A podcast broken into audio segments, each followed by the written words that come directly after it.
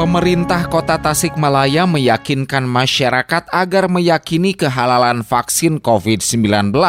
Kepala Bidang Pengendalian dan Pemberantasan Penyakit P2P Dinas Kesehatan Kota Tasikmalaya Dr. Asep Hendra mengakui memang masih ada kesimpang siuran informasi mengenai vaksin sehingga masyarakat pertanyakan kehalalan vaksin. Asep berharap masyarakat tak perlu ragu karena Badan Pengawas Obat dan Makanan BPOM dan Majelis Ulama Indonesia MUI sudah menyatakan produk vaksin aman dan halal. Sudah melihat prosesnya dari mulai bahan mentahnya sampai masuk ke dalam flakonnya sampai bagaimana mekanisme pembuatannya. Kata kementerian, teman-teman di pusat tidak ada bahan-bahan yang cenderung haram katanya seperti itu. Tetap kita berpegang kepada dua lembaga yang punya kewenangan untuk mengeluarkan hal ini. Selama itu sudah keluar ya kita ikutin.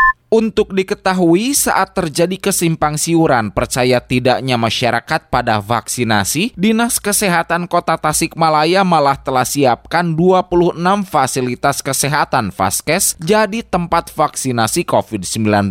Terdiri dari 22 puskesmas, RSUD Dr. Soekarjo, dan tiga klinik milik TNI Polri. Masih menurut Asep Hendra, gelombang pertama vaksinasi untuk para tenaga kesehatan nakes disusul petugas pelayanan publik seperti TNI Polri, aparatur sipil negara ASN, guru, dan petugas pelayanan publik lainnya. Kilas Radio. Kilas Radio. Kilas Radio. PR SSNI Jabar Wilayah Priangan.